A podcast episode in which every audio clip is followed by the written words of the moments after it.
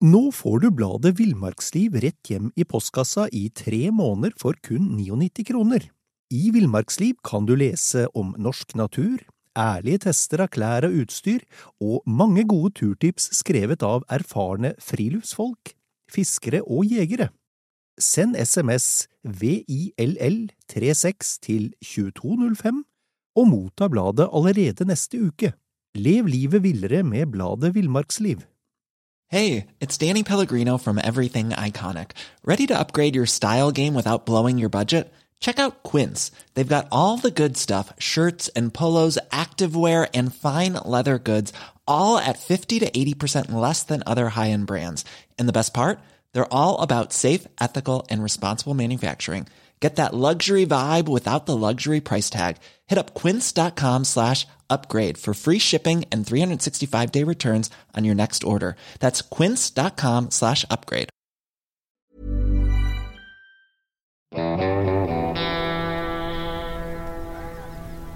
Velkommen til podkasten Villmarksliv.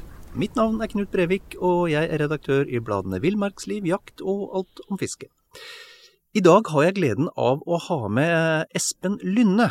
Eh, Espen er av mange regna som Norges eh, fremste preparant av pattedyr, eh, og han driver selskapet Bioprep, og er dessuten en usedvanlig bereist og erfaren jeger. Og som ikke det var nok, så, så driver også Espen med ekstremtrialton, har gjennomført Norseman. Det er heller ikke noe småtteri, men men Espen, la oss starte med begynnelsen. Ehm, hvorfor, eh, hvorfor valgte du preparering som levevei? Oi, eh, det var egentlig kom egentlig ganske naturlig. Faren min drev bioprep i gamle dager. Og ja, som litt skolelei 17-åring så begynte jeg heller å jobbe hos han. Eh, var ikke veldig interessert i starten. Jeg hadde jo alltid vært med han på jobb og sånn. Men øh, når han gikk litt lei etter hvert, så sa han nå kan du enten få firma, eller så selger jeg det. Da jobba jeg mye mer, og interessen kom Ja, ble stigende. Så etter det har jeg aldri sett meg tilbake. Nei. Jeg har vært øh, kjempefornøyd med det valget der. Noe sier meg at det ikke var eh, bare syv og en halv timers arbeidsdager til å begynne med? ja, til å begynne med så var det kanskje mindre òg. Jeg var egentlig ikke noe sånn, jeg var ikke noe sånn ivrig 17-åring. Eh, men etter hvert som jeg fikk mer og mer ansvar, eh, så ble det veldig mye mer jobb. Ja. Da ble det sånn, ja, gjerne 14 og 15 timers arbeidsdager. Eh, lange perioder. Og ja, likte, likte det veldig godt. Det var mye som måtte vike for at jeg var på jobb. Det var det. Ja, ja. Men, men det jeg tenker på det her med preparering, altså er det et stort, er det et stort marked for det i Norge? Oi, ja, det er jo ganske mange som lever av det. Um, så jeg vil si at markedet Jeg har alltid hatt litt for mye å gjøre. Uh, så for meg så har det i hvert fall vært veldig bra. Uh, det hjelper vel å være i nærheten av Oslo, da. Der var det mest mennesker i Norge. Mm. Så, så, sånn sett så ja, jeg har alltid hatt nok jobb. En ting jeg, eh, jeg lurer litt på, det er um, hva noen, altså, hva koster det eksempelvis å få, å få stoppa ut en, en, rype hos deg? Oi, um, det ligger vel mellom 5000 og 6000 kroner pluss moms ja. for en rype.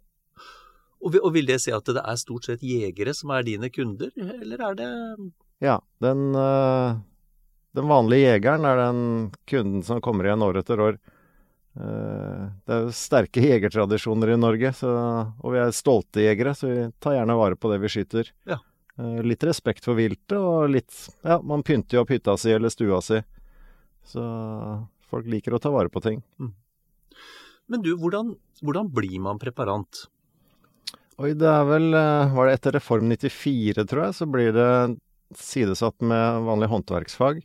Så samme utdannelse som en snekker eller elektriker, at du er du går litt på skole, og du går litt i lære. Okay. Og så er det en uh, eksamen når du er ferdig. Ja. Og, så du gikk altså i lære hos din far da? Ja, jeg gikk i lære hos min far. Så så har jeg også vært litt, i, vært litt ute og reist. Jeg har jobbet litt i USA, litt i Taiwan.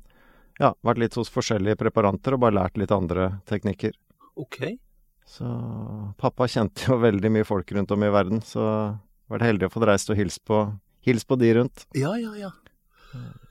Og hva, hvis man leverer noe til deg, um, hvis man skyter en rype eller en tiur, um, altså, hvor lang, hvor lang, tid vil det ta å få tilbake et sånt uh... Typisk leveringstid er vel ca. et år. Cirka et år, ja. Uh, er du heldig, så går det på et halvt år, og er du litt uheldig, så går det kanskje et par år. Ja. Uh, det kommer litt an hvor, når på sesongen du kommer inn, og hva det er for noe. Mm.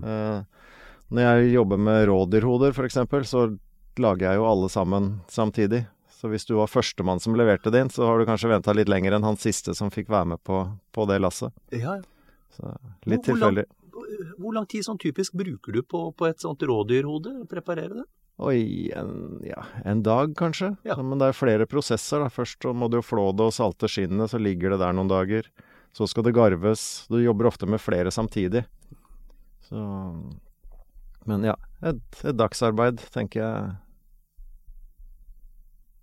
Hva, hva, er det, hva, er det, største du har uh, preparert? Uh, jeg har vært med å stoppe ut to hele elefanter. To hele elefanter? det var litt kult. Det var et museum i Taiwan. Så det var, da brukte vi gaffeltrøkk for å løfte skinnet oppå modellen. ja, vel. ja, det, de tar plass. Å, fantastisk. Så, hvor, hvor lang tid brukte dere på det? Vi brukte vel en uke per elefant, eh, cirka. Vi var fem taksidermister som, som jobba sammen, da. Du verden. Og i tillegg så hadde vi med noen lokale som var med å sy og ja. Sånne håndverkere. Så det var, det var litt artig. Ja, det må jeg si. Men, men når, vi, når vi kommer til deg uh, og skal ha stoppa ut et enten det er fugl eller det er et, et, et uh, hjortehode. Hva er, det, hva er det vi ofte har gjort feil, eller for å si det sånn, hva, hva er det viktig å tenke på når vi skal ha preparert et vilt vi har skutt? Um, oi, det er flere ting. Um, det er viktig at det kommer i fryseren eller blir levert til meg så fort som mulig. Um, særlig hvis det er en varm høstdag, er det 20 grader ute, så må det ikke ligge i sola og, og mørne der, eller henge på hytteveggen. Um, så en, hvis du skyter en fugl, da, så skal ikke den henge galge bak på sekken resten av dagen før du, før du er på hytta. Uh, den bør legges pent på toppen av sekken, avkjøles og ja, få den i fryseren. Hold det, i hvert fall ha det, ha det i skyggen istedenfor sola. Det er, og det gjelder med alt, egentlig, om det er elg eller reinsdyr. Reinsdyr er ofte løse i håra. Så hvis du skyter de en varm augustdag, så er det lett for at skinnet blir ødelagt. Så skygge, skygge eller snø er fint. Få det kjølt ned. Og, og ikke, la, ikke, la, hunden apportere den for hardt. Nei, akkurat. En rype som er knallapportert, den er, den er vanskelig å jobbe med. Uff, ja, det kan jeg forestille meg. Men, men det jeg mener jeg hørte en gang i tida at um, det er en del som tar, uh, tar, med for lite skinn i forhold til hodemontasje, hvis du f.eks. har et rådyr eller et, en, en, hjort. Ja, veldig, veldig lett å kappe skinnet for kort, og også åpne det feil. At du åpner det i halsen. Eh, som man typisk gjør når man skal vomme ut et dyr. Ja. Eh, unngå det halssnittet, og så må du kappe skinnet bak forbena. Um, altså helt til, nesten bak i bogen? Ja, bak bogen, bak forbena. Ja. Så har du, hvis du går ti centimeter bak forbena og åpner på baksiden der, så har du gjort mye riktig. Akkurat. Så om det fins flere sånne flåanvisninger du kan google deg frem til, så får du en tegning på det. Ja, for, for det ligger også på din hjemmeside bioprep.no, ja, så ligger det flåanvisninger? Der finner du det, så det ja. går an å se på. Ellers er det bare å ringe og spørre når du står der og 'Å, nå skal jeg flå det her, hva skal jeg gjøre, liksom. Så ja. er det lett å ta en telefon til en eller annen preparant, så får du det godt forklart. Mm -hmm. Eller ta med hele dyret. Så har du skutt et rådyr, så får du ta den i bilen og ta den med, så skal vi hjelpe deg. Ja, ja. Er det mange av dere i Norge, forresten? Um, ja, det er jo ganske mange. Um, av de ivrigste så er det vel medlemmer av Norsk Taksidermistforbund. Det varierer vel litt på medlemstallet der, men jeg lurer på om det er rundt 70 stykker. Ja vel. Uh, og så er det jo masse hobbypreparanter i tillegg. Uh, folk som kanskje har det på deltid. Så Nei, hva skal jeg tippe? Det er et sted mellom ja, rundt 100-150 kanskje, som holder på. Ja. Mer eller mindre. Mange har det jo som deltidsjobb. Ja. Det, man har noe annet på å si. Ok. Um, Vi må nesten over på, på jakt ved Espen. Hvordan, uh, hvordan starta den interessen? Oi, den kom nok tidlig. Eh, det var vel helt sikkert litt ulovlig med luftgevær rundt i nabolaget og skyte trost og skjærer og, og, alt som rørte seg. Der er du ikke Eh, aleine, uten at jeg vil gå i detalj om det. Nei, det, det er nok noen stakkars småfugler som eh, gjerne skulle levd videre. Så det starta der med luftgevær. Eh, og tilfeldigvis også så hadde jeg et par kamerater som var vel så ivrig akkurat på den biten der. Mm. Så da var det det vi holdt på med. Da var det luftgevær og jakt rundt i småskogene rundt på Oppegård, og ellers så var det fiske som, som det gikk i da jeg var liten. Ok. Så, men det ble mer og mer jakt etter hvert, da. Så, det, og pappa var ivrig jeger, så jeg så litt opp til han da jeg var liten. Og liksom alt det spennende han gjorde, ville jo bare være med, men fikk jo ikke lov når det, før du ble litt større, da. Nei. Så da var liksom spenningen og gleden enda større. Så ja, jakt kom tidlig. Hvor gammel var du da du fikk begynne å være med din far på jakt? Å nei, det var vel når jeg klarte å, å henge med litt, eh, løpe på elglosen. Det kan ha vært en ja, syv-åtte år kanskje, første gangen jeg fikk prøve meg. Eh, men jeg fikk jo ikke være med på de lengre turene. Han dro på Vestlandet på hjortejakt. Det var jo noe jeg hørte om hvert år, og liksom gleda meg til å få være med. Så jeg husker jeg var med, var med første gangen i Lærdal.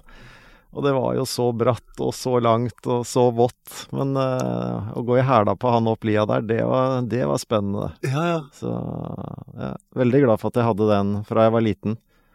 Uh, glemmer aldri de første turene der. Blei det skutt noe på den uh, lærdalsturen? Uh, nei, nesten. Vi så dyr, eh, men han fikk ikke skutt. Så det første jeg var med han å skyte, det var nok eh, elglos. Eh, for vi hadde, vi hadde elghund da jeg var liten. Ja, ja. Så det var los for egen hund, så det var innmari spennende å stå ved siden av han da. Eh, Og nå har du skaffa deg en uh, elghund sjøl? Ja, nå, er, nå blir det elghund på meg òg. En svart en den gangen her, da. Er det svart en, ja? ja? da. Er så gøy. Det blir kjempespennende. En herlig liten hund. Ja, ja, ja. Så snill. Jeg har vært vant til å ha dachs, og det har ikke alltid vært like, like snille. Men det her er et eh, skikkelig fint lite kryp. Har du jakta med bannhund før, eller? Eh, Nei, aldri jakta med båndhund. Eller siste dagsen min brukte jeg en del som båndhund, særlig på hjortejakta. Ja, ja. Og skjøt flere hjort for han. Jeg klarte å holde den stille eh, så fremt han ikke så dyra. Og det var jo stort sett ikke noe problem, for han var jo så lav. Eh, Så jeg så jo dyrene før han, men han begynte å pipe litt i båndet, og da måtte jeg bare roe ned litt, Ja. og så kunne vi snike videre. Så det var kjempespennende. Så Det er noe helt spesielt med det man skyter for egne hunder. ja, det er det. det. Det kan ikke sammenlignes med noe annet. Det, samarbeidet med hund, det er eh, innmari spennende. Mm -hmm. Er det hannhund eller tispe du har, forresten? Det er tispe. Tispe, ja, Ja. akkurat. Så Nei, det er kjempespennende. Så nå, er det, nå går det i blodspor eh, om dagen. Så jeg skal vel opp til eh, prøven nå ja, i slutten av mai eller begynnelsen av juni. Ah, Vi ser når dommeren har tid. Så hun er påmeldt, i hvert fall. Ser det bra ut? Ja, det ser veldig bra ut. Ja. Jeg blir overraska hvis ikke det går bra. Ja. Da må det være at eh, ja, hvis det står et dyr rett ved siden av sporet, så er jo ferske ting mer spennende. Den er, hun er en typisk overværshund, så ja, hun har lett for å ta nesa i været. Mm, mm. Vi får bli ferdig med den blodsporet så fort som mulig. Men- Men du Espen, vi, er også, vi må må også snakke litt om det, det som amerikanerne kaller for grand slam. Eh, Det er de fire amerikanske villsauene. Ja. Og, og du er en av eh, veldig få, jeg har ikke noe tall på det, men du er en av veldig få i Norge som har, som har eh, fylt den. ja ehm, jeg har vært med en annen som gjorde det noen år før meg. Så vidt jeg vet, så er jeg nummer tre i Norge, men det, det er helt uoffisielt. Ja, ja, ja. Um, så det er Ja, den er jeg litt stolt av. Det, det er mye fysisk krevende jakt, og ikke minst dyrt, da. Det er jo uansvarlig mye penger å bruke på jakt, men eh, ja, det har nå det har nå gått på en måte. Ok. Hva er, det, ja, hva, hva er, hva kost, er prisen for å skyte Sånne sauejakter er jo typisk De ligger mellom 20 000 og 60 000 dollar for stykket. Så, så det er ikke sikkert du får den på første turen heller, så det kan hende du må ta flere turer. Ja. Så det ja, tullete mye penger, men mye av det går jo tilbake til en god sak, da. De blir, sauene blir jo godt passa på. mm, mm. masse forskjellige program som viser det. Jeg husker en, en ting eh, nå avdøde Svein Solli sa eh, ved flere anledninger, og det at han, opp, han mente at noe av det eneste som var verdt å låne penger til, det var jakt. ja, det, det, det er nok sant. Jeg det var en kamerat av pappa som sa det til meg når jeg var eh, ja, kan jeg ha vært 17-18 år, akkurat begynt å jobbe på verksted. Eh, Så sa han det til Espen, hvis du skal jakte rundt i verden, så lån penger og gjør det nå. Og jeg bare Det var det dummeste jeg hadde hørt, liksom. Sette seg i gjeld for å liksom dra på jakt. Men eh, når jeg ser hvordan prisene har gått i været da, siden den gang, så skulle jeg gjort det. Ja. Men eh, ja, jeg gjorde jo ikke det, da. Men du, disse, disse, disse um, sauene, hva uh, Hvor jakter du dem? Hva slags typer er det, og hvor er det du jakter dem hen? Og, og hvordan skjer denne jakta?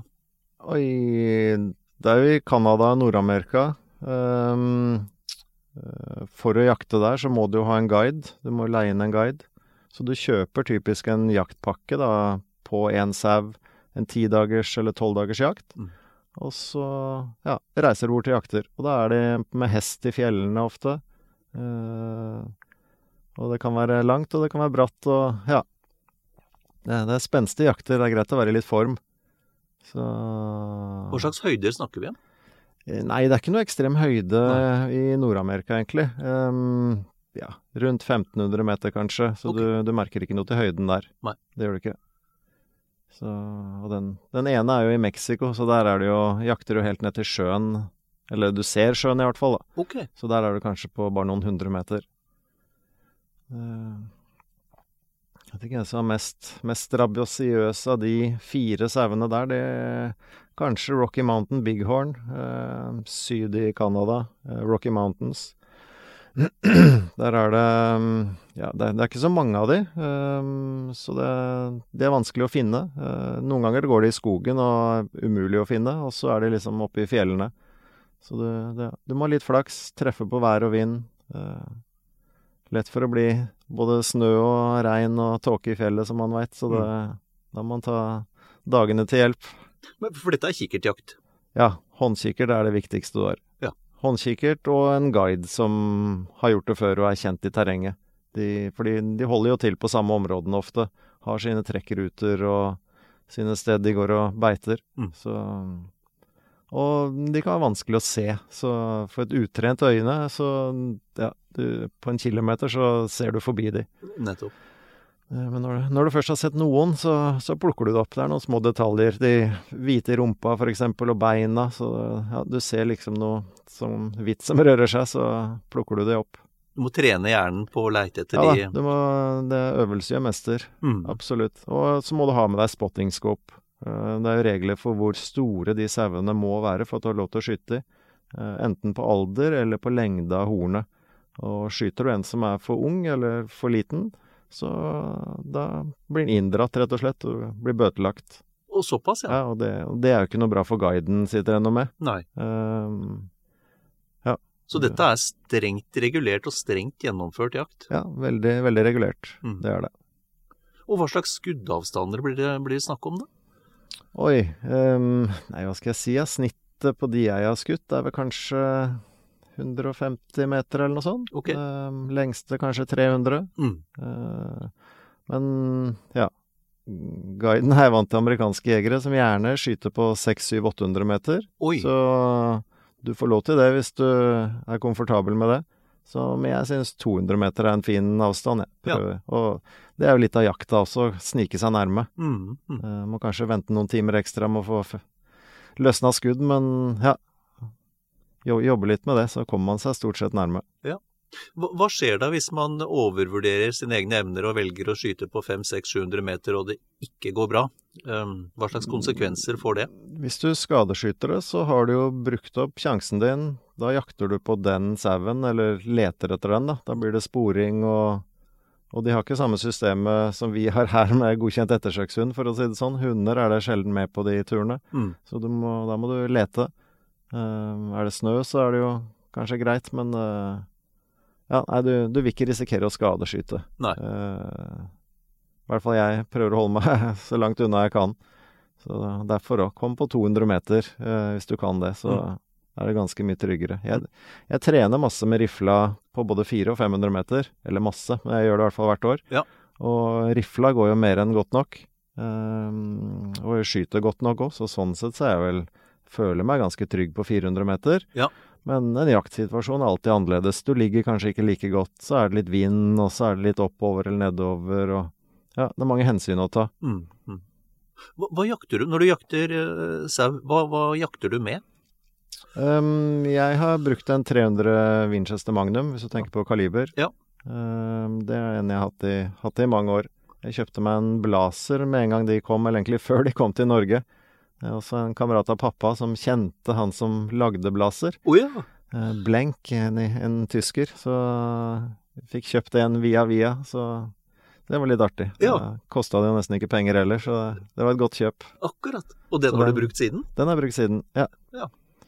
Og, og hva slags kule er det du um, lader med? Eh, hadde litt forskjellig. Um, den har faktisk vært litt vanskelig å få til å gå godt på, på lange hold, så vi brukte en, en akkubånd som, eh, som gikk veldig godt. Eh, og så fikk jeg ikke tak i det. Og hva er det siste jeg har brukt nå? Eh, nå husker jeg ikke hva det heter engang. Jeg fikk, fant noe som gikk godt, og så jeg Ja. lada, opp 100 skudd, så har jeg til noen turer. Ja, ja. Ok. Uh, hva slags optikk bruker du, forresten? Oi, på rifla, um, der har jeg en gammel, gammel Leopold-kikkert. Uh, ikke noe fancy i det hele tatt. De tåler mye. Uh, de tåler veldig mye. Da, det er et godt korssinn, og ja, jeg har skutt godt med den. Eh, så jeg brukte brukt det i mange, mange år. Men nå har jeg faktisk gått over til en, en Mars-kikkert akkurat nå i det siste. Det er en sånn Bankrest-kikkert, egentlig. Det er jo lagd i Australia. Eh, større forstørrelse, ja, og kulebanekompensator. Ok. Eh, så det er en superkikkert. Men håndkikkerten er den viktigste, for Ja. meg i hvert fall. Jeg er veldig glad i å jakte, bruke håndkikkert mye. Mm. Og der det blitt masse forskjellig, masse som er bra. Men til mine øyne så er det en Swarovski som har passa best i om det er glass eller coatingen eller hva det er. Mm. Jeg blir ikke så sliten i hodet av den. Så sitter, så sitter en seks-syv timer en dag med kikkert, så du blir jo litt sånn Ja, får litt hodepine kanskje. Men ja. den, eh, den er snillest. En åttegang eller tigang, Eh, eller? 10 ganger 40. Ja. Da høres det ut som det er bra skodd. Ja da, det er eh, godt verktøy. Du, jeg tenker på det her med eh, utenlandsjakt og, og norske jegere i utlandet. Du har vært mye i utlandet. Eh, jeg har vært og lest meg gjennom eh, de aller fleste Du har jo, du har jo skrevet eh, fine artikler om de aller fleste turene dine på hjemmesiden din, på ja. bio, bioprep.no. Ja, takk, takk. Veldig, veldig velskrevet og Jeg er fint. Ikke noen journalist, jeg, men Nei, Ja, du står deg godt der. Men, men det jeg tenker på, Espen, det er hva, hvordan ser utenlandske guider på norske jegere? Hva er på en måte omdømmet vårt når vi, når vi er i utlandet? Oi. Um, vi er kjent for at vi er gode jegere og liker liksom den At, ja, at vi er jegere fra bånn av. Uh, at vi liker å fyre litt bål, og at det liksom alt det rundt er også viktig. Uh, vi har god tid. Vi, vi vil ikke skyte et dyr så fort som mulig for å reise hjem igjen, sånn som ofte amerikanske jegere er litt kjent for. Ehm, vi nyter turen, og vi blir med å hogge ved og sale hester og liksom hjelper til i campen. Uh, at vi er ja, handy, hyggelige karer. At det blir en sånn kompis som blir med på tur, egentlig. Uh, og at vi er gode jegere. At du, du er med med kikkerten selv og finner dyr og ja, er med og flår og du liksom Hele den biten der, sånn som vi, sånn som vi er vant til hjemmefra. Ja, ja. Uh, vi er jo kanskje kjent for å være litt eh, feige på skuddavstander, da. Vi lærer jo på jegerprøven at vi ikke skal skyte over 100 meter. ja, ja. Og det er det jo ikke så mange guider som er helt enig i. Eh, for 100 meter, det er ikke langt i fjellet. Nei. så du, vi må nok prøve å strekke oss til 200-300 meter, og trene, trene litt på det er en fordel hvis man skal ut på utenlandsjakter. Akkurat. Ja. Det er det. Det blir, det blir forventa av deg som jeger. Da har liksom guiden gjort jobben sin, da. Ok. Eh, Men det er jo selvfølgelig opp til deg. Sier du at 100 meter er maks, så må man jo bare prøve. Men da kan det hende du ikke får noe, da. Akkurat. Du støkker dyr, eller Ja. Mm. De er liksom ikke vant til den siste snikjakta, sånn, sånn som vi er. Men, men det er ikke noe det du skildrer her, er ikke noe dårlig omdømme? Nei, eh, norske jegere er veldig godt likt. Eh, det er de. Jeg har sjelden hørt noe annet. Mm. Jeg, eh, jeg må komme tilbake til de, de artiklene jeg har lest, det som, du, som du har skrevet. Og det, eh, det som eh, slår meg når jeg leser noe av dem, er at du, du fremstår ikke som, som utprega engstelig. For det er, jo ikke, det er jo ikke alt som altså, det er jo ikke like farefritt alt du har vært med på. Nei. Og da tenker jeg blant annet, og du har skrevet om det selv, den hvor du jakta i Pakistan og, og, og annet var innom Abbottabad, hvor jo bin Laden ble, ble drept noen ganske få år senere. Ja, det, Da måtte dere holde en lav profil. Ja, der, der holdt vi en lav profil. Eh, Pakistan var et fantastisk land å besøke. Innmari glad for den turen. Men sånn Jeg tenkte vel ikke så mye på det der og da, at det her var litt, uh, litt småfarlig. Eh, men i ettertid har jeg vel tenkt at det er kanskje det mest sånn risky opplegget jeg har gjort. Okay. Eh, både med tanke på ja, bin Laden, han var vel ikke akkurat ute etter meg, men ja, det, det, er litt annerledes oppe i en del av de fjellandsbyene vi var igjennom. Mm. Der, vi, der vi bodde og der vi jaktet, fantastisk hyggelig og vi ble passa kjempegodt på. Men det var jo væpna vakter på sånne grensestasjoner imellom fylkene og Ja, øh, følte deg litt overvåka og sett litt stygt på noen ganger. Mm. Uh, og i tillegg så det var jo så bratt og fælt borti der, så var det masse ras som gikk over veien og Ja, uh, bilen vår holdt på å bli knust av en diger stein der. Uh, så det var Det er nok det mest risky. Ja, ja. Men, men, men, hva jakta du i Pakistan? Steinbukk, eller ibex. Himalaya ibex. Ok. Uh, veldig god bestand. Uh, og Pakistan har gjort en kjempefin ting for å bevare steinbukken. Uh, de har gjort det på flere arter. det er at de gir 80 av av lisenskostnaden, verdien på lisensen, den går tilbake til den landsbyen der hvor det dyret blir skutt. Okay. Så det er jo ingen i landsbyen som går ut og skyter en steinbukk for mat lenger. De venter jo til det kommer en troféjeger, og da får de både maten og 80% av pengene for det. Genialt. Ja, så det har jo Det har jo styrka bestanden betraktelig. Vi var, vi var to jegere som, som skjøt hver vår steinbukk i en dal der, oppe i um, i nærheten av K2, faktisk. De bruker den, den landsbyen er noen utgangspunkt for å gå på K2. Akkurat. Og de var så happy når vi hadde skutt de to dyrene. Og det var feiring i landsbyen, og skoleungene tok fri og var liksom ute og dansa og, og feira der. Og så, For de sa at nå, nå, har vi nok eh, penger til å komme oss gjennom vinteren. Liksom, det her berger landsbyen vår. Å, du så, det, så der ble vi tatt veldig godt imot.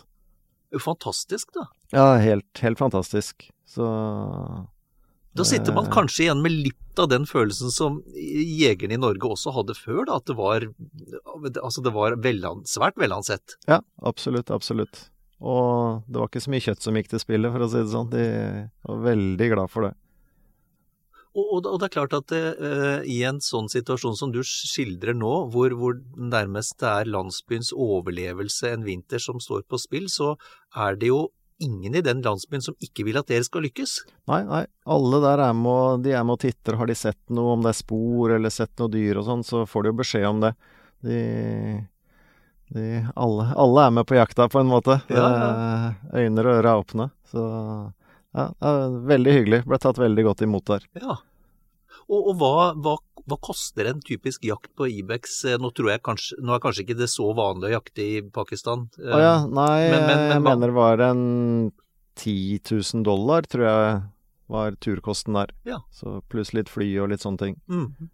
Så, og så ja, tipser man jo litt og sånn, så det Det, de, det blei lagt igjen litt penger der. Ja, ja, ja. Nå får du bladet Villmarksliv rett hjem i postkassa i tre måneder for kun 99 kroner.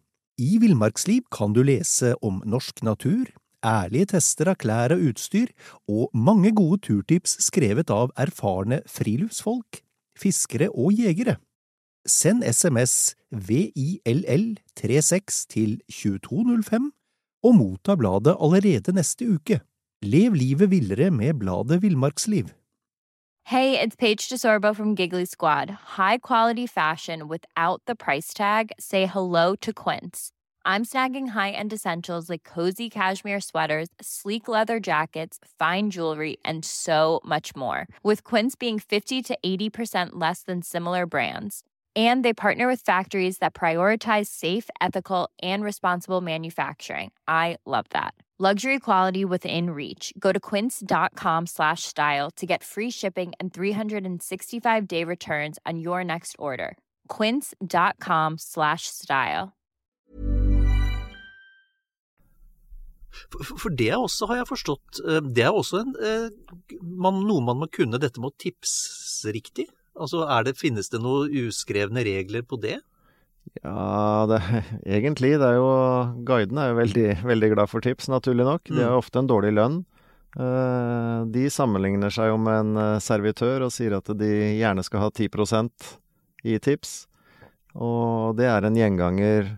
Amerikanere er jo kjent for å tipse godt. Okay. Og de gjør det på restaurant og sånn. Det er liksom en helt annen tipskultur. Mhm.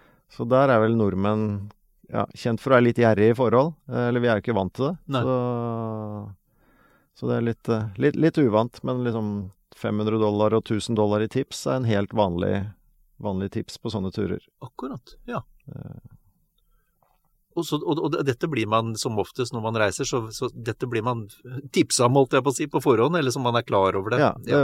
jeg liker i hvert fall å fortelle de jeg kjenner som skal på tur, og si at husk at der er det vanlig å ha med 500 dollar ekstra, eller husk å gi 100 dollar til kokken, og litt sånne ting. Ja. Eh, det er så mye hyggeligere å komme tilbake senere når det er eh, man blir huska, huska godt. Ikke sant? Ja. Eh, og ja, jeg prøver i hvert fall å ikke være gjerrig på tipsen. Det, er, det koster såpass mye allikevel som det Om det kosta litt til, så fikk det bare være. Ikke sant? Eh, de har som regel dårligere timelønn enn det vi har her hjemme, så de, Mm. de fortjener litt ekstra. Mm. Mm. Og de gjør helt sikkert en De strekker seg helt sikkert for at dere skal ha en flott tur også. Ja, ja, ja. ja det, de gjør kjempejobber stort sett alltid. Ja. Når du jakter f.eks. ibex, da, så eh, der er det Der snakker vi om høyder. Ja, der kan det fort bli litt høyt og, høyt og bratt eh, der de lever. Mm. Og, og det er hva, Hvor høyt snakker vi om da? Og det høyeste sånn meter over havet eh, I Pakistan der så var vi vel på litt over Landsbyen lå på 4000 meter cirka. Eh, så vi jakta vi opp mot 4-6 eller 4-8 eller eh, Det begrensa seg egentlig selv, for det blei for bratt, rett og slett. Eh, du, du kommer ikke videre. Men, men det er også Det er noe av det høyere man jakter.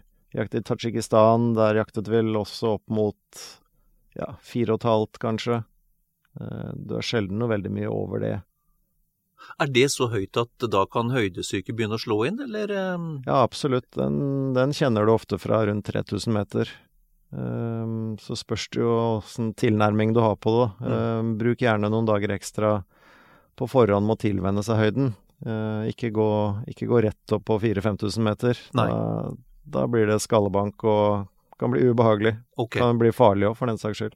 nettopp. Har du opplevd det? eh, At, Eh, jeg har vært litt smådårlig, hodepine og litt kvalm og dårlig matlyst. Mm. Uh, det har jeg absolutt, absolutt opplevd. Men da er det å ta det rolig. Man må slappe av og Du må ikke ha dårlig tid første dagen du er på jakt. Ta, ta heller en dag i camp, og hvis du kjenner deg litt, litt lurvete, så ta det pent.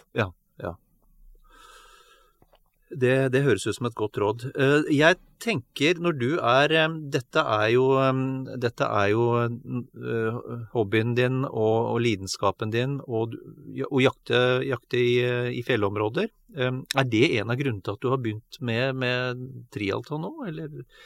Ja, kan, kanskje. Eh, trening har jo alltid ja, løpt litt og sykla litt, for det har vært moro og, ja, og greit å holde seg litt i form. Og jo mer jeg har vært på sånne typer jakt, jo større glede har jeg å være i god form. Mm. Så trening har vært en veldig god eh, Eller motivasjonen til å trene Ja. er jo at jeg vet at jeg neste år, da skal jeg liksom på den fjellturen. Nettopp. Og der skal vi bære litt tung sekk, og vi skal gå langt. Og hvis jeg går lenger enn de andre, så får jeg kanskje se noe ikke alle andre får. Nettopp. Eh, så det å, å ta et fjell til, det Ja. Det, eh, det gir meg litt ekstra. det kan være en, rett og slett en investering i den kanskje den eneste skuddmuligheten som Ja, byr seg. absolutt. Absolutt. Jeg har opplevd det. Å være, være den som har gått lengst, og så var det noe bak den neste fjellet, var det faktisk dyr. Så mm, det kan, det kan betale seg. Mm. Og så er det jo Ja, du, du er jo ikke utslitt da når du kommer til den skuddsituasjonen, eller du kommer, til, kommer tilbake til camp, så er du ikke så sliten at du er helt ferdig, liksom. Du nyter turen. Ja. Uh, du kan ta litt ekstra i sekken, hjelpe guiden litt. Du, ja, det blir en helt annen tur. Og å være i god form, det, ja, det er bare helt herlig på sånne turer. Ja. og, så, og så har jeg lest meg frem til at eh, din mor var ballettdanser, Ja, det er riktig. og ville at du også skulle begynne med det. ja, det, Men det ble altså ikke ballettdans på ikke- unge Lunde. Hun var ikke helt heldig der. Hun eh, tok meg med på trening som hun var på, da. Ja. Men eh, ja, det, det var ikke helt uh, miljøet for meg, eller det var ikke der jeg fikk interesse. Det ble triatlon og jakt isteden. Det ble det triatlon og jakt isteden. Men du Espen, um, jeg, jeg har lyst til å, å høre litt om elefantjakta, det òg, jeg. Ja. Fordi um, uh, du er jo en av de ikke veldig mange som har, som har skutt elefant, og rent umiddelbart så vil jo mange reagere med bestyrtelse på det. Uh, Ja. Hvordan uh, hvor, jakta du? Vi jakta i Zimbabwe, med grensa til Zambia, like ved Victoria Falls, egentlig. Zambesi River. Mm. Så vi hadde en kjempefin camp nede til elva der. Fiska tigerfish og storkoste oss der. Ehm, og like ved så ligger noe som heter eh, Vange nasjonalpark. Eller Wanky, eller hvordan de sier det der nede. Um, og der er det en enorm bestand av elefanter. Og de trekker jo til og fra nasjonalparken, og ut fra hvor det er mat og hvor vann er og sånne ting. Mm. Så, så når vi var der, så var det bra med elefanter i terrenget vi hadde jakt i. Um, ja, og det var Hadde de, det selskapet vi var med, hadde vel fått 20 lisenser. Og i nasjonalparken så sa han game warden, da, som vi må ha med en sånn lokal politimann, Mm. eh, at det var 80 000 elefanter i nasjonalparken, og det så ut som det var sluppet atombomber der. Altså, det var helt forferdelig hvor mye de ødelegger. Så de var bare superhappy at det ble skutt, eh, skutt noen. Ja. For, fordi eh, fordi det, det jeg igjen har lest meg til, det var en av de sakene du har skrevet eh, på hjemmesiden din, så var det til sammen 300 fellingstillatelser i, I Zimbabwe, i Zimbabwe. Ja, det året så var det det. Og det er jo Ja, det, det er mye mer elefanter i Zimbabwe enn vi har reinsdyr i Norge. Ja. Eh, kanskje ikke hvis du tar med tamrein, da, men i hvert fall villrein. Og ja, så har de 300 lisenser. Det, det er en mikroskopisk avskyting. Mm. Så bestanden der bare øker og øker. Men det hører man jo ikke noe om. Man hører jo bare om der hvor elefanten er utrydda. Ja.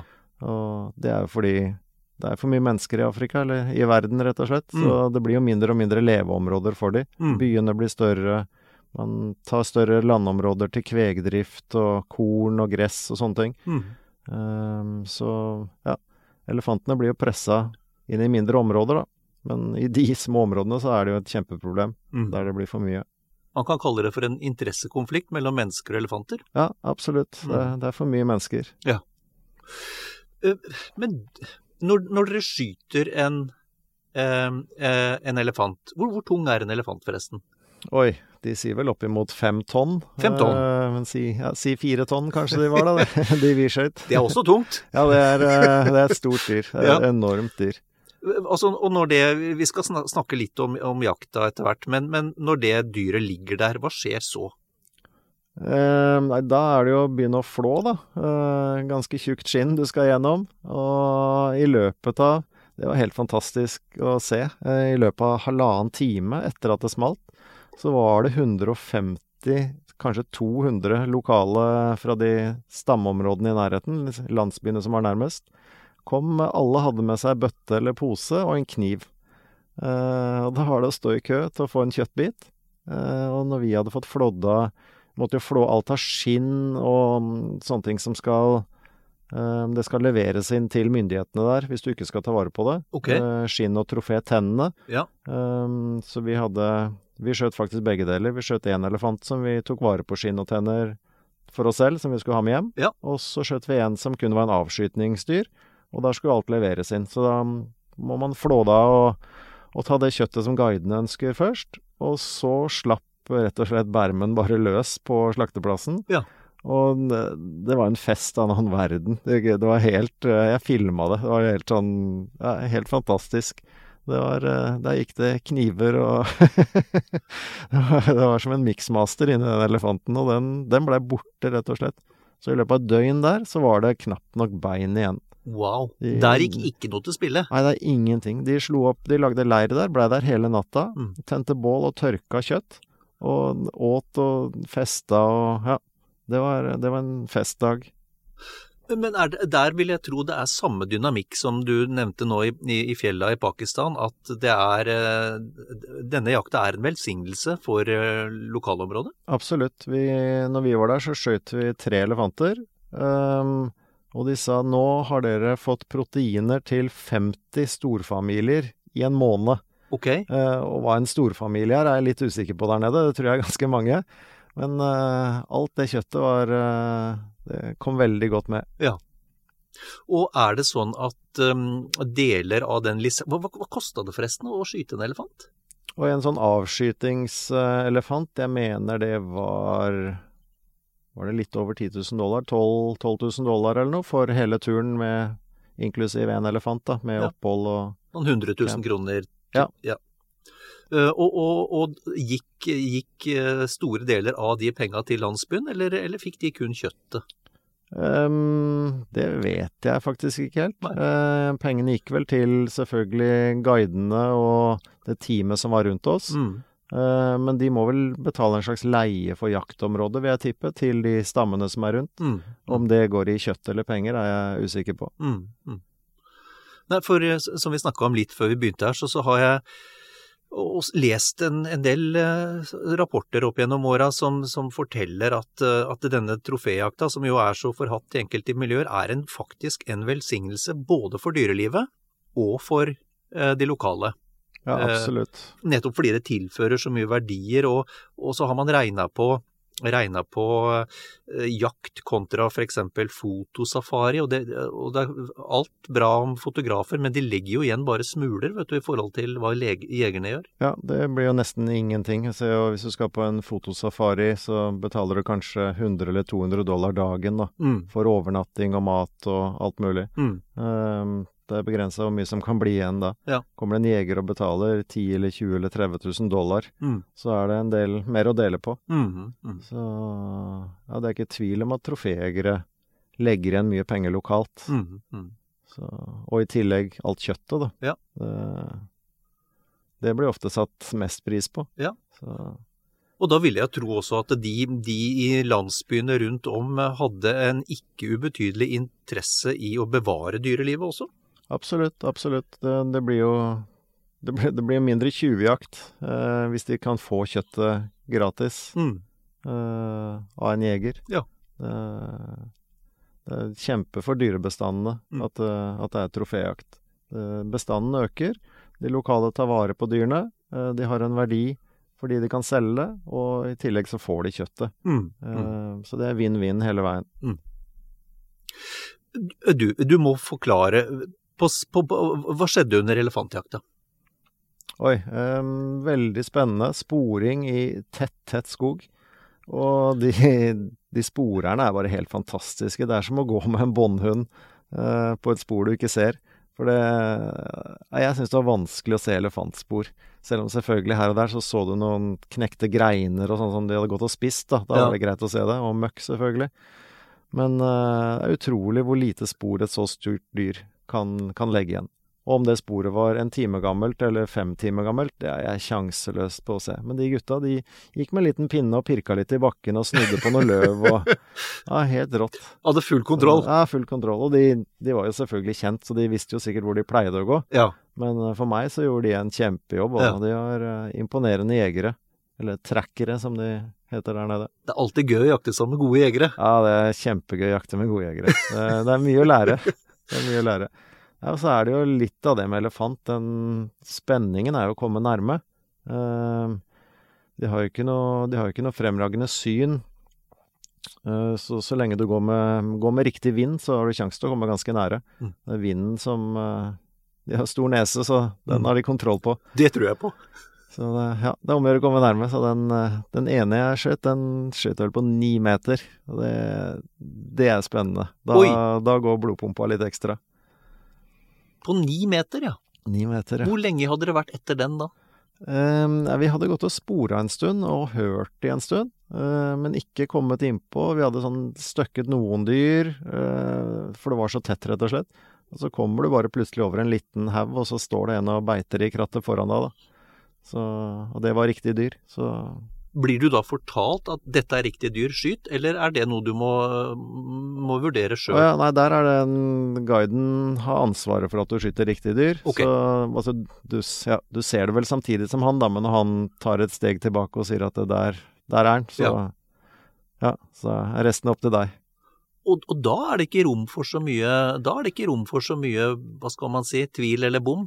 Nei, du, det, det er greit å treffe, treffe riktig da. Mm. Så det skjøt to skudd på den, eh, to hodeskudd, eh, og det, det andre traff perfekt. Ja. Eh, Så ja, da, da var det litt jordskjelv idet han gikk i bakken. Ja, det, det her veit jeg er et, det er et talentløst spørsmål, Espen, men jeg må stille deg likevel. Um, hva føler man når fire tonn deiser i bakken? Oi, eh, litt begge deler. Eh, Det er en veldig spenning frem til du er der. Mm. Og så var det jo egentlig litt synd å se han ligge der. Ja. Eh, det store, flotte dyret, liksom. Men ja, du, du vet at det er for mange av de, og noen må ut. Mm. Eh, så det var, det var uttak, rett og slett. Mm. Uttak av et overskudd. Ja.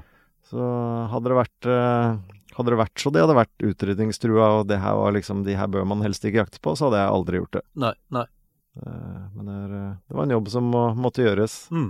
Enten gjør vi det, eller så går jo, går jo staten inn og, og skyter ned hele flokken, liksom. Mm. Det, Og eneste forskjellen er at det da tilflyter ikke det lokale noe som helst. nei, da blir det ikke noe penger på det. Det gjør ikke det. Nei. Så det å kunne selge, det å kunne selge noe som må gjøres uansett, det, det må jo bare være kjempebra. Mm. Mm. Hva slags våpen brukte du forresten da du jakta elefant? Oi, da brukte jeg en dobbeltrifle, en eh, kaliber 470 Nitro Express. Så det, ja, det var riktig, riktig børsa. Det, det sparker. Det sparker litt. Men det er egentlig, det er jo ikke noe det er ikke noe magnum, holdt jeg på å si. Det er ikke noe, det er ikke noe rask patron. Altså, det er et skyv mer enn en sånn skikkelig smell. Ja. Og du står jo når du skyter og sånn, så det, ja, det er egentlig bare et godt skyv i skulderen. Akkurat, ja. Mm. Men det er noe, du kjenner jo at det er krefter bak. Hva er det, er det som sies om en del magnumer? Det er nesten like vondt på baksida som det er på forsida. ja, ikke sant? Ikke sant? Ja, da, da, da, du kjenner jo det. Du gjør det. Ja, det var en uh, veldig spennende og kul opplevelse. Uh, og når du så hvordan de lokale tok imot kjøttet der, det var egentlig det, det Jeg skal ikke si det overraska meg, du har jo hørt om det, men liksom å oppleve det, Mm. og så happy de var og sånn, det, det er eh, Ja, kunne gjerne gjort det igjen, bare for det. Men, men det jeg tenker, altså, hva, hvor går man fra å ha skutt øh, og jakta så mye som du har i utlandet, og skutt elefant, du har skutt altså den Grand Slam øh, med disse sauene, øh, og du har jakta usedvanlig mye. Hva gjenstår det noen drømmer for deg da? Er det noe du ikke har uh, sjekka ennå? Oi, ja, det er jo det er masse drømmer. Man må lage noen nye drømmer. Ja. Men det ble, det ble faktisk et tomrom når Grand Slam eh, var fullført, for det har vært en sånn litt uoppnåelig drøm i mange, mange år. Mm. Um, litt sånn, ja Litt sånn rar følelse når det var over. Var sånn Fader, det her Må jeg gjøre det en gang til? Nei, da må, må finne på noe nytt. Ja. Så hva som er neste drømmen nå, det Jeg vet ikke. Jeg har, nå har jeg ikke noe sånn veldig mål, egentlig. Det er eh, fine fjellturer, fine jaktturer. Og få med venner og kjente på, på noe av det fineste du har opplevd, liksom. Mm. Eh, jeg blir gjerne med andre jegere som jakter jakte Grand Slam. Eh, og det er nesten like spennende som å gjøre det selv. Mm. Kanskje enda mer spennende noen ganger. Mm. Så ja, jeg gjør gjerne alle de jaktene igjen. Går det an å spørre om du Er det, er det én jakt du husker spesielt godt av disse altså, turene dine? Er det Oi. ja, det er vanskelig. De, de blir jo så spesielle på hver sin måte. Mm. Um, Det er noe eget, er noe eget å, å ri på hesteryggen i Canada, innover i villmarka, og du vet det ikke er noen biler og mennesker i milevis rundt deg. Eh, å ha lisens på en elg og en rein og kanskje en grizzlybjørn eller en sau i lomma. Ja. Du kan liksom jakte alt du finner, og være da ti dager på tur. Eh, det, det er en helt fantastisk opplevelse. En, da, da roer du Da glemmer du alt hjemme, og kroppen roer seg. Da får hodet, hodet hvile. Så, men eh, nei, ellers er jeg veldig glad i sånne litt klatre, klatrejakter, om det er steinbukker eller sauer. Eh, det å gå i fjellet. Eh, jeg må si at Nepal er vel kanskje den fineste turen jeg vet om, sånn naturopplevelsesmessig. Det er rododendron som blomstrer opp i 4000 meter. Mm. Og, ja, og, og folka der, du har med bærere, liksom sånn gammeldags safari, da. Ja. Har med 20 bærere og noen hester som bærer bagasje, sette opp en camp. Flytte camp dagen etter, flytte camp dagen etter, sånn dag etter dag innover fjellet. Mm. Mm, det er en kjempeopplevelse. Mm. Mm. Så, men eh, ja, det er vanskelig å plukke én ting. Det er eh, Alt har sin sjarm. Uh, uh, men uh, ja. Hjortejakta her hjemme òg, rådjakta her hjemme, det, det, det er vondt å komme unna de òg. Eh, når det brøler i vestlandsliene, da, da er det vondt å være et annet sted. Da snakker vi rundt 10. oktober. 10. oktober. Ja. da, da vil jeg gjerne være hjemme. Eh, Den er litt hellig. Det, det, og jeg må bare gjenta det. Altså, det. Du har som sagt skrevet om, eh, om uh, de aller fleste jaktene dine, utenlandsjaktene i hvert fall, på, på hjemmesiden din, på, på bioprep.no. Så der er det jo mye, mye spennende å lese. Uh, vi kunne snakka veldig, veldig mye lenger, vi merker jeg, om dette her, men eh, det jeg lurer på sånn, sånn helt avslutningsvis, eh, Espen, det er eh, hvordan smaker elefant? Oi. Eh, det var seigt, eh, først og fremst. ja, det var seigt, ja. og, eh, men, og veldig grovt eh, tekstur, da. Ja. Eh, annerledes enn alt annet jeg har vært borti. Um, men smaken, nei, det ble vel krydderet som ble Det var noe marinade det lå i, så var vel eh, det det smakte mest av. Ellers var det kjøtt, rett og slett. Okay. Grovt kjøtt. Ja. Tusen takk for en hyggelig prat. Ja, takk, takk. Nå får du bladet Villmarksliv rett hjem i postkassa i tre måneder for kun 99 kroner. I Villmarksliv kan du lese om norsk natur, ærlige tester av klær og utstyr, og mange gode turtips skrevet av erfarne friluftsfolk, fiskere og jegere.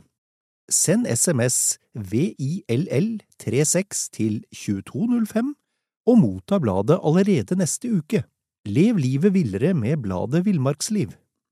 Mom deserves the best, and there's no better place to shop for Mother's Day than Whole Foods Market. They're your destination for unbeatable savings, from premium gifts to show-stopping flowers and irresistible desserts. Start by saving 33% with Prime on all body care and candles. Then get a 15-stem bunch of tulips for just $9.99 each with Prime. Round out Mom's menu with festive rosé, irresistible berry chantilly cake, and more special treats. Come celebrate Mother's Day at Whole Foods Market. Imagine the softest sheets you've ever felt. Now imagine them getting even softer over time. That's what you'll feel with Bowl and Branch's organic cotton sheets. In a recent customer survey, 96% replied that Bowl and Branch sheets get softer with every wash. Start getting your best night's sleep in these sheets that get softer and softer for years to come. Try their sheets with a 30-night guarantee. Plus, get 15% off your first order at bowlandbranch.com. Code BUTTERY. Exclusions apply. See site for details.